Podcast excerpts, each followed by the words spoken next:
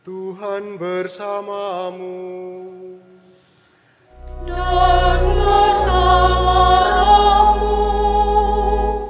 Inilah Injil suci menurut Matius. Dimuliakanlah Tuhan.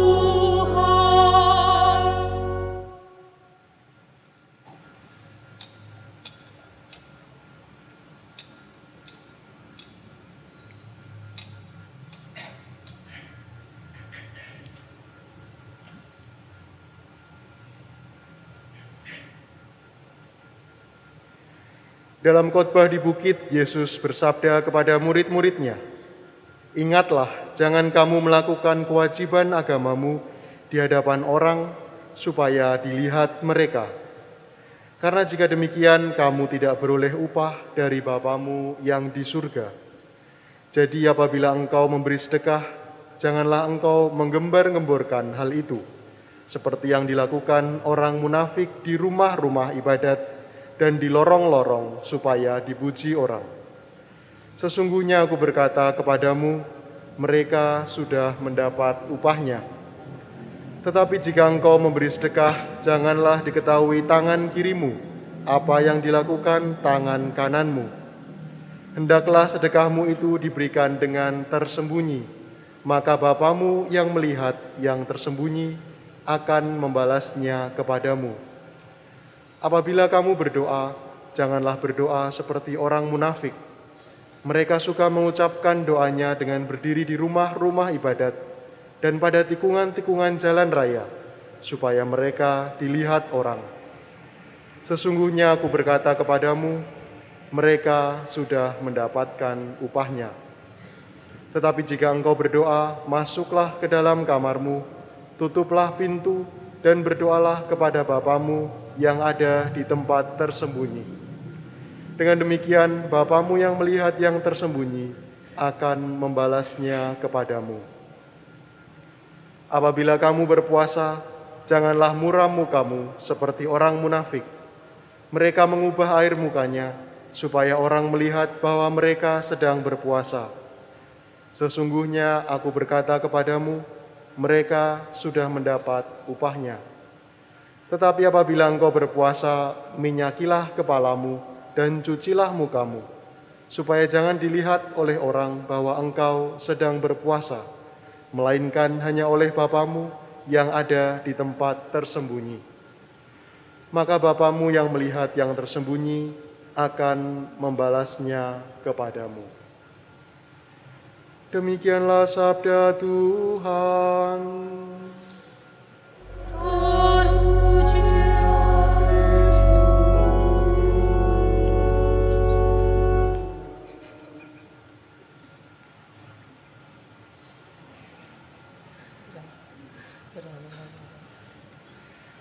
Bapak Ibu, rekan-rekan muda dan adik-adik yang terkasih dalam Kristus. Perayaan Rabu Abu ini menandai bahwa kita memasuki masa Prapaskah. Retret bersama kita 40 hari lamanya. Masa ini adalah masa tobat, pantang dan puasa, persiapan batin untuk menyambut Paskah. Dan abu nanti akan kita terima yang akan ditaburkan menjadi simbol, menandai dan mengingatkan kita akan asal dan seperti apa kita akhirnya. Ketidakberdayaan dan kerapuhan, tetapi juga kita ingat besarnya rahmat Tuhan yang memperhatikan, mengampuni dan membuka jalan bagi kita untuk kembali berbalik lagi dan lagi kepadanya. Dan bacaan bacaan sore hari ini, bacaan pertama dan bacaan Injil Bacaan pertama mengandung makna perayaan kita hari ini. Perayaan Rabu Abu membuka pintu gerbang masuk ke dalam masa Prapaskah. Penebusan dosa, pengampunan, pertobatan, rahmat, keselamatan. Itulah makna dari awal kita merayakan masa Prapaskah ini. Dan kemudian nanti Injil memperjelas pesan bacaan itu. Meminta tindakan pertobatan kita itu adalah gestur atau tindakan yang sejati, ungkapan kesungguhan hati dan bukan sekedar pulasan atau kepura-puraan atau mungkin istilahnya sekedar gimmick saja pertobatan. Tetapi pertobatan yang sungguh-sungguh berasal dari hati kita. Sungguh-sungguh kita hidupi dan terwujud dalam tindakan serta pilihan-pilihan. Maka marilah bersama-sama saudara-saudari kita merenungkan buah-buah rohani yang bisa menjadi bekal, buah-buah rohani dari bacaan-bacaan yang baru saja kita dengarkan dan perhatikan, supaya menjadi bekal bagi kita untuk memasuki retret ini, memasuki perjalanan peziarahan kita selama 40 hari di tahun 2022 ini menyiapkan masa Paskah. Masih bersama dengan pandemi, masih juga mungkin orang-orang terdekat kita terdampak pandemi atau terjangkit atau sedang isolasi mandiri atau karantina. Masih juga dengan situasi masyarakat aktual saat-saat ini. Masih pula dengan krisis dunia, Ukraina dan Rusia yang sedang berperang, yang kita masukkan dalam doa-doa intensi kita. Bacaan pertama, di dalam bacaan pertama kita bertemu dengan Nabi Yoel. Dan di dalam nubuat Yoel ini kita menemukan tujuan akhir dari masa prapaskah. Apa tujuannya? Pertobatan sejati dari hati yang sungguh dirasakan kepada Tuhan. Dan ini merupakan undangan yang nanti kita dengarkan juga sewaktu kita menerima abu sebagai tanda pengingat siapa diri kita. Ketika diterimakan abu akan dikatakan bertobatlah dan percayalah kepada Injil. Dan pesan Injil itu senantiasa menunjukkan jalan pertobatan kepada Allah seperti yang diminta Yoel. Dan tidak ada pertobatan tanpa kesungguhan penyesalan kita sebagai tanggapan pada tawaran pengampunan. Kalau bertobat hanya dikatakan saja, tentu tidak menjadi apa-apa, tetapi sungguh dihidupi, sungguh dijalani. Dan pengampunan ini datang serta kita harapkan dari Tuhan sendiri, yang memberikan kelegaan, melepaskan kita dari rasa bersalah, dan juga membalikkan relasi lagi dengan sesama kita. Demikian Yoel mengatakan dan menjelaskannya kepada kita pada sore hari ini. Bahwa pertobatan sejati itu bukan bungkus atau sampul luar saja. Kalau Yoel mengistilahkannya, mengoyakkan pakaian seperti yang dilakukan oleh orang-orang Yahudi. Tetapi sungguh-sungguh berbalik kesadaran hati yang sebenarnya, yang berisi penyesalan. Dan fokus atau pokok penting bagi kita adalah berdamai dengan Tuhan, tetapi juga berdamai dengan sesama.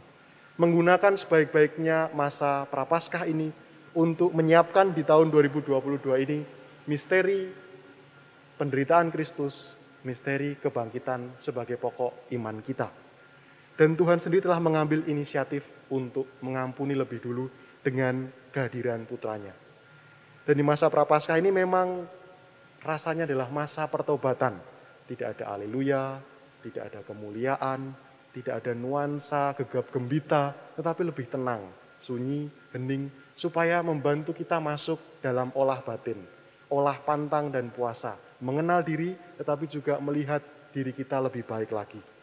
Dan inilah yang diajak oleh liturgi gereja pada masa prapaskah ini namun juga kita ingat bahwa tidak hanya masa pertobatan, melainkan juga masa berahmat. Maksudnya masa pemberian diri Tuhan yang mau mengampuni kita. Kita bayangkan pengalaman kita berelasi begitu.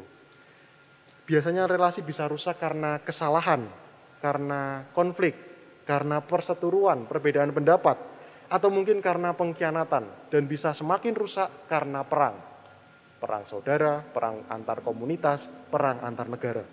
Maka tertinggal ganjalan hati dalam diri kita, ketidaknyamanan atau mungkin rasa kikuk gitu ya, krik-krik gitu ketika kita berjumpa dengan orang yang berkonflik dengan kita karena relasi ini rusak. Dan salah satu pihak atau lebih baik lagi keduanya yang berkonflik dipanggil untuk merajut ulang relasi dan sadar diri mohon ampun, murah hati mengampuni. Dan inilah yang kita alami dengan dosa. Dosa merusak relasi kita dengan Tuhan, tapi juga merusak relasi kita dengan sesama. Dan kita diundang dalam masa prapaskah ini merajut ulang relasi kita dengan Tuhan lewat pantang dan puasa, lewat pertobatan kita. Dan merajut ulang itu tidak bisa terjadi lewat kepura-puraan. Tali yang rapuh ketika dibuat untuk merajut pasti akan hancur. Kepura-puraan atau pulasan juga pasti akan hancur. Demikianlah pesan yang disampaikan oleh Yesus di dalam Injil. Bahwa usaha untuk bertobat menuntut keaslian.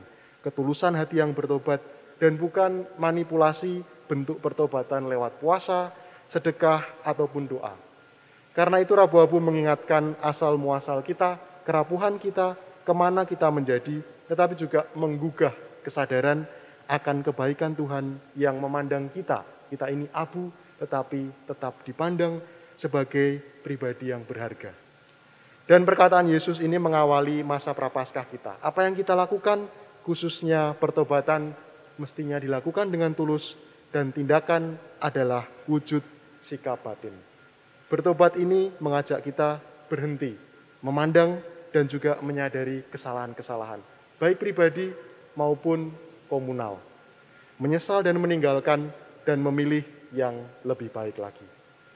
Bapak Ibu, rekan-rekan muda dan adik-adik yang terkasih, marilah pada kesempatan masa prapaskah ini biarlah doa-doa kita, devosi-devosi sungguh menjadi sarana komunikasi dengan Tuhan. Biarlah pantang dan puasa kita membawa kita mengolah diri dan batin serta fokus pada hal-hal yang paling penting dalam hidup kita. Dan biarlah pula aksi puasa pembangunan atau tindakan belas kasih lahir dari kepedulian pada mereka yang paling membutuhkan. Karena pilihan dan tindakan yang kita buat itu bukan tampil lebih baik atau kita ingin supaya bisa terlihat secara moral lebih unggul dari orang-orang lain. Dan pertobatan kita itu bukan konten media sosial untuk berlomba-lomba update atau memenuhi feeds atau story. Dan pertobatan kita bukan kita lakukan karena dalam 40 hari ke depan pertobatan menjadi trending topik. Juga pertobatan kita bukan karena ingin menerima tepuk tangan atau merasa diri lebih unggul dari yang lain. Pertobatan Kristiani, baik personal maupun sebagai komunitas iman, adalah kesadaran diri kita masing-masing sebagai pendosa yang dipanggil kembali untuk merajut relasi yang baru dengan Tuhan, dengan sesama, dan keyakinan pada tawaran keselamatan lewat pengampunannya.